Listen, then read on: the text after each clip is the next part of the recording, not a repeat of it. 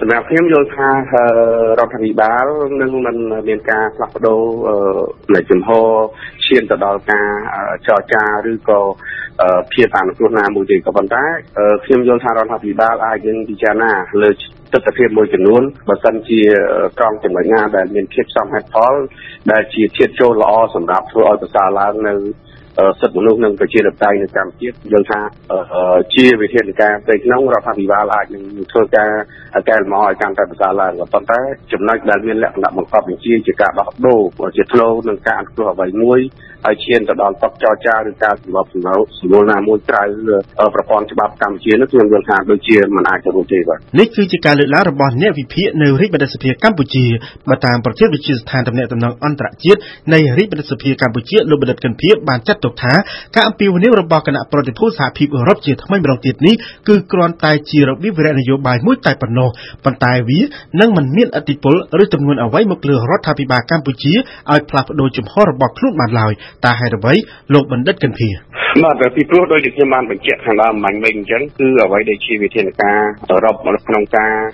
ព្យួរភាពអនុគ្រោះ20%ចំពោះកម្ពុជានេះគឺតោងតែបង្ហាញឲ្យឃើញថាកម្ពុជាមានបញ្ហាដូច្នេះការស្នើឡើងដដែលៗនេះគឺដើម្បីឲ្យឃើញថាវិធានការរបស់ខ្លួនធ្វើឡើងដោយមានហេតុផលច្បាស់លាស់ត្រឹមត្រូវតែប៉ុណ្ណោះមែនទែនទៅគឺមានន័យថាវិធានការនោះវាបង្កប់នៅសេណារីយ៉ូនៅរបៀបវិរៈនយោបាយរបស់ គណៈកម្មការអឺរ៉ុបខ្លួនឯងរួចស្រេចទៅហើយបើសិនជាយើងនិយាយពីហេតុផលជាក់លាក់ដែលគណៈកម្មការអឺរ៉ុបបានលើកឡើង ចំពោះបញ្ហានេះគឺយើងអាចទេជាមួយនឹងប្រទេសផ្សេងទៀតដែលទទួលបានភាពអនុគ្រោះដូចគ្នាជាមួយនឹងប្រទេសកម្ពុជាដែរដែលមិនស្ថិតនៅក្នុងវិធានការរបស់អឺរ៉ុបប៉ុន្តែផ្ទុយទៅវិញលោកសាំងសានករណាអ្នកនាំពាក្យសមាគមការពារសិទ្ធិមនុស្សអាត់ហុកបាទជាការពិតណាស់រឿងទាំងអស់នេះយើងយល់ហើយតាំងពីដើមមកយើងដឹងហើយថាសហភាពអឺរ៉ុប លោកមិនចង់ធ្វើអ្វីដូចដែលបានលើកឡើងទាំងអស់ហ្នឹងទេជាការពិត យើងបានការទទួលបានការអនុគ្រោះពន្ធនាពេលកន្លងមកហ្នឹងវាសិតតែមានការភ្ជាប់ទៅនឹងកិច្ចសន្យាឬក៏មានលក្ខខណ្ឌទាំងអស់ហ្នឹងឯងដែលគេបានផ្ដល់ប្រព័ន្ធអនុគ្រោះពន្ធហ្នឹងមកឲ្យយើងអញ្ចឹងអ្វីដែលគេចង់លើកឡើងទាំងអស់ហ្នឹងគឺគេចង់តម្រង់ឲ្យយើងតម្រង់ទិសឲ្យយើងធ្វើយ៉ាងណាកុំឲ្យងាកចេញពីកន្លងនៅការគោរពសិទ្ធិមនុស្សនិងលទ្ធិប្រជាធិបតេយ្យអីទាំងអស់ហ្នឹងគឺជាដើមចមសំខាន់បំផុតដែលនឹងទៅដល់ប្រព័ន្ធអនុគ្រោះពន្ធត្រឡប់មកវិញអញ្ចឹងហើយវាមិនមែនជារឿងអ្វីដែលសហភាពអឺរ៉ុបចង់ធ្វើទេប៉ុន្តែរដ្ឋាភិបាលកម្ពុជាវិញទេដែលមិនធ្វើការគោរពទៅតាម អ្វីដែលភ្ជាប់ទៅដោយលក្ខខណ្ឌដែលយើងធ្លាប់ទទួលបានមកនឹងលោកអានសវណ្ណរាការលើកឡើងរបស់សហភាពអឺរ៉ុបពាក់ព័ន្ធនឹងលក្ខខណ្ឌសិទ្ធិមនុស្សហើយជំរុញឲ្យរដ្ឋាភិបាលកម្ពុជាពិចារណារឿងការបើកលំហសេរីភាពនិងដោះលែងការដាក់សកម្មជនបពប្រឆាំងនេះខ្ញុំគិតថាវាមិនមានទម្ងន់ខ្លាំងទេវាពាក់ព័ន្ធទៅនឹងការប្រកាសរបស់លោកនាយករដ្ឋមន្ត្រីលោកបានប្រកាសអំពីថានឹងមិនវល់ឬក៏គេហៅថាទុកឲ្យសហគមន៍អឺរ៉ុបដាក់ ប៉ុន្តែនេះគ្រាន់តែជាការប្រកាសមួយដើម្បីទាមទារការចរចាដែរវាអាចជាលក្ខខណ្ឌក៏ប៉ុន្តែវាត្រូវពឹងផ្អែកទៅលើសភាពការវិវត្តនៃអត្តពលវីរុសកូវីដ -19 នឹងសិនហើយបើសិនបើដល់ខែ6ខែ7បើសិនបើស្ថានភាពវាដុនដាបខ្ញុំគិតថារដ្ឋាភិបាលអាចងាកមកគិតពិចារណាប៉ុន្តែបើស្ថានភាពវានៅកម្រិតនេះទេហើយជាមិនពិចារណាទេបាទតែខ្ញុំយល់ថាក្នុងកលៈកលៈវិសានេះបើសិនជាមិនមានផលប៉ះពាល់អ្វីធ្ងន់ធ្ងរមកដល់ប្រទេសកម្ពុជាទេយើងជឿជាក់ហើយថាយើងមើលចំហរបស់រដ្ឋាភិបាលកម្ពុជា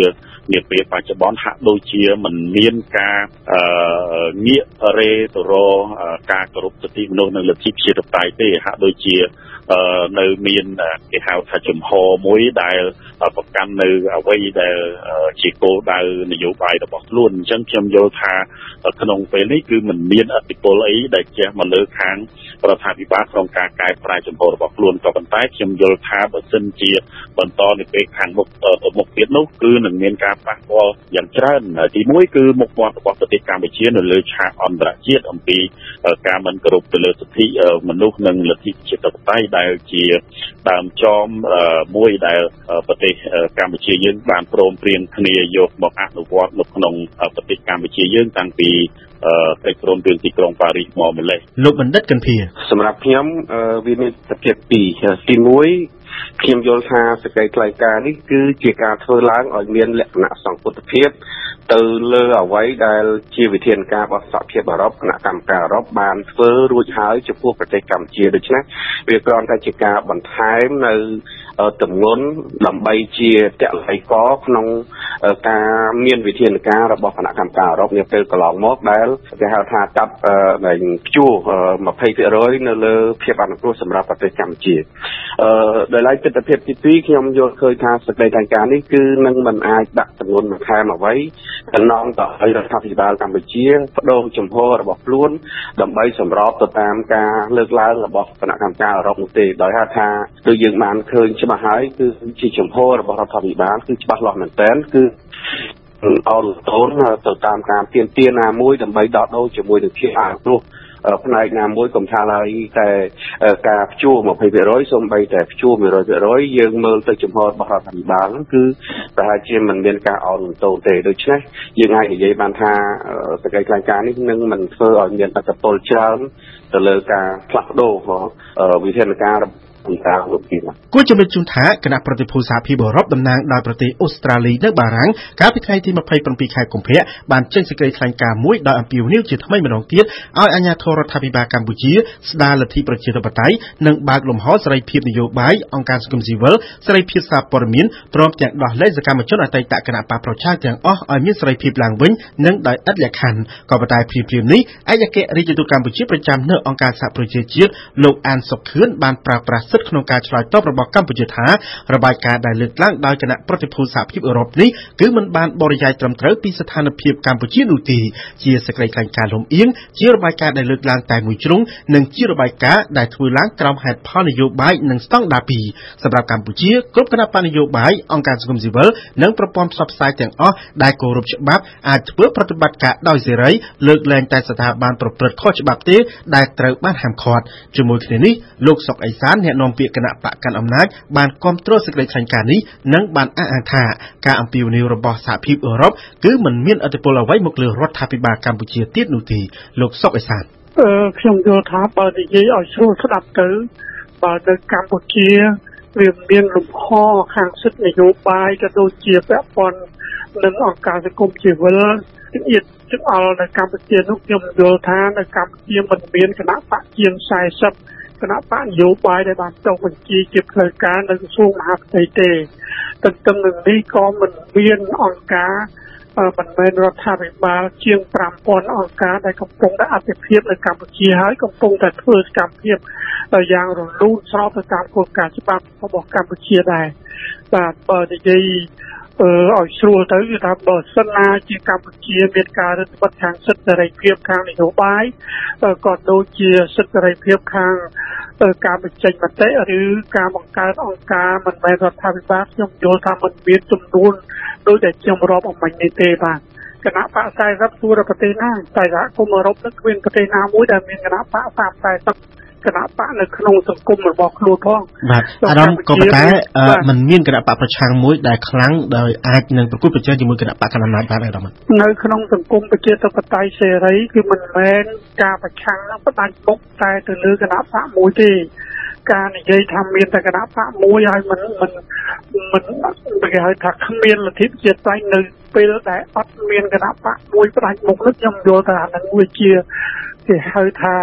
ការបច្ជើតឲ្យគណៈបកមួយនោះបានចិត្តទេប៉ុន្តែលោកអែនសវណ្ណរាសាស្ត្រាចារ្យនិងជាអ្នកវិភាគនយោបាយនៅកម្ពុជាយល់ថារដ្ឋាភិបាលកម្ពុជាអាចនឹងផ្លាស់ប្តូរជំហរនៅវិនាទីណាមួយបើទោះបីជាកន្លងមកប្រមុខរដ្ឋាភិបាលកម្ពុជាលោកហ៊ុនសែនធ្លាប់បានប្រកាសជាញឹកញាប់ហើយថាកម្ពុជានឹងមិនយកអធិបតេយ្យភាពរបស់ខ្លួនទៅដោះដូរជាមួយនឹងភាពអនុគ្រោះពន្ធណាមួយក៏ដោយចុះលោកអែនសវណ្ណរា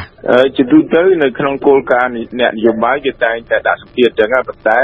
គណៈកម្មការសហភាពអឺរ៉ុបគេតែងតែបើកផ្លូវបើកចំហសម្រាប់ការចរចាដើម្បីងាកគេមិនចង់ឲ្យមានផលប៉ះពាល់ហានិភ័យវាធំសម្រាប់ប្រទេសកម្ពុជាទេហើយបើសិនបើគេបិទហ្នឹងគឺវាពិបាកនឹងរកការចរចាអញ្ចឹងគេបើកចំហចឹងតែអ្នកនយោបាយគេនៅតែប្រកាន់ចំហតតែនាទីចុងក្រោយបានគេធ្វើការសម្រេចចិត្តប្រែប្រួលបាទនៅពេលណាទៅដែលជានាទីចុងក្រោយរបស់លោកសាស្ត្រាចារ្យ នៅពេលចិត្តដល់ពេលចិត្តដល់ឱកាសមើលសានភាពវិវត្តនៃការវិវត្តផលប៉ះពាល់នៃសេដ្ឋកិច្ចកម្ពុជាបរិយាសិនបាទលោកសុកអេសានអ្នកនាំពាក្យគណៈបកប្រជាជនកម្ពុជាខ្ញុំយល់ថារដ្ឋាភិបាលលោកបានកាសជាច្រើនដងហើយគឺថាច្បាប់របស់សហគមន៍អឺរ៉ុបគឺជាច្បាប់សហគមន៍អឺរ៉ុបក្នុងការអនុវត្តរបស់សហគមន៍អឺរ៉ុបចំពោះកម្ពុជាជារឿងសិទ្ធិរបស់គាត់ដែលច្បាប់ដែលអនុវត្តច្បាប់របស់គាត់ ក៏ប៉ុន្តែកម្ពុជាក៏ជាប្រទេសឯករាជ្យនិងមានអធិបតេយ្យគឺកម្ពុជាមានសិទ្ធិអនុវត្តច្បាប់របស់កម្ពុជាដោយគ្មានការជឿជែកពីខាងក្រៅណាបានទេលោកសង្សានករណីអ្នកនាំពាក្យសមាគមការពារសិទ្ធិមនុស្សអាត់ហុកបាទដើម្បីផលប្រយោជន៍រួមរបស់ប្រទេសជាតិយើងយើងគួរតែបន្ទន់អេរិយាប័តក្នុងនៃអភិវឌ្ឍនៃប្រទេសរបស់យើងឡើងវិញពីព្រោះយើងយល់ យើងដឹងអស់គ្នាហើយការដឹកនាំប្រទេសតាមបែប